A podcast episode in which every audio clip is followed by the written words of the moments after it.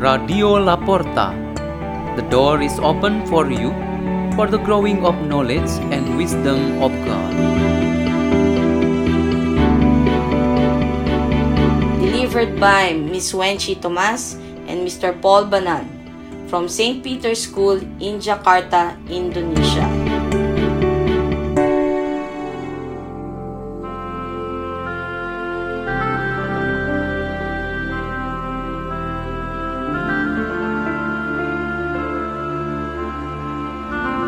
Reading and meditation on the Word of God on the Friday after Ash Wednesday, February 19, 2021.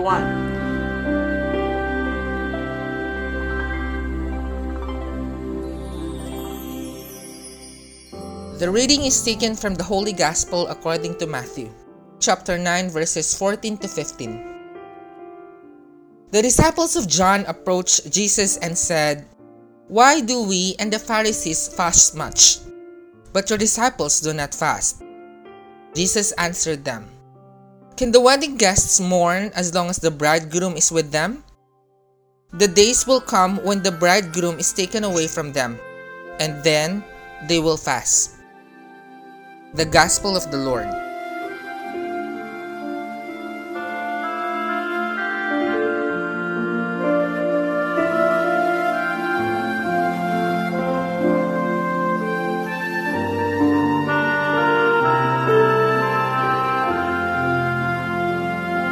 Our meditation today has the theme Fasting needs prayer and charity.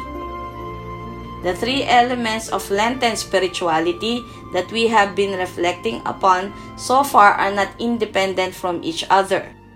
Prayer is not an act that has nothing to do with fasting and charity.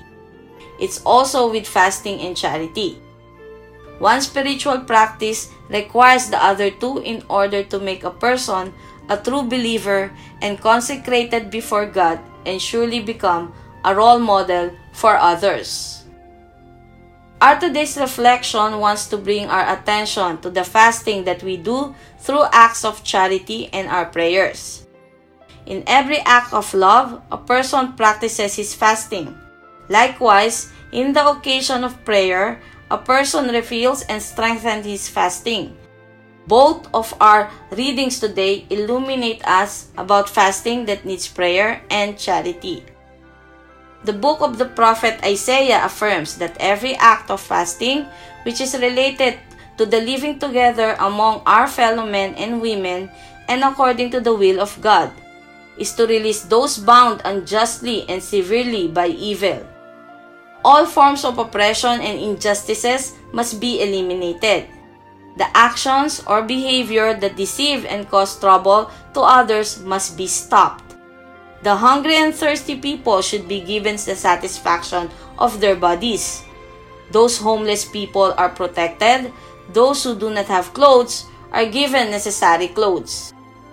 Everything that had been said by the prophet said was then made so concrete by Jesus who carried out the mission of the Heavenly Father and his apostles to took part actively to support this mission.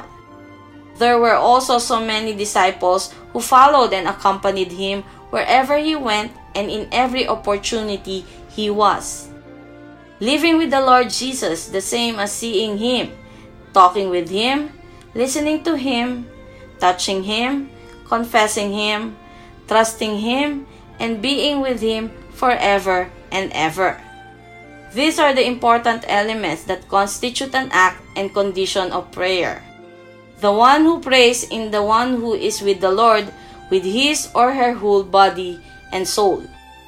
Therefore, Jesus makes it clear to us that the true and real fasting is to do this religious discipline with and in the Lord, when His active presence indeed animates our entire lives. If God makes Himself available to be with us, then why do some men and women create their own ways to fast as if the Lord has nothing to do with them.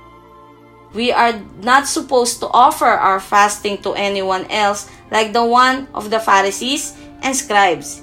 Even though Jesus Christ was actually in their midst, our fasting is precisely what Jesus Christ had taught us, which is to be in the Lord as we do charity on behalf of Him and we are constantly in connection with Him in all times through our words and deeds.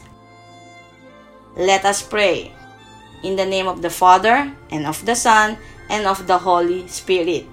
Almighty God, grant us the ability to fulfill the discipline length that may bring us to the point where your Son, Jesus Christ, wanted us to be. Hail Mary, full of grace, the Lord is with thee. Blessed art thou among women, and blessed is thy fruit of thy womb, Jesus. Holy Mary, Mother of God, pray for us sinners, now and at the hour of our death. In the name of the Father, and of the Son, and of the Holy Spirit. Amen. Radio La Porta. The door is open for you.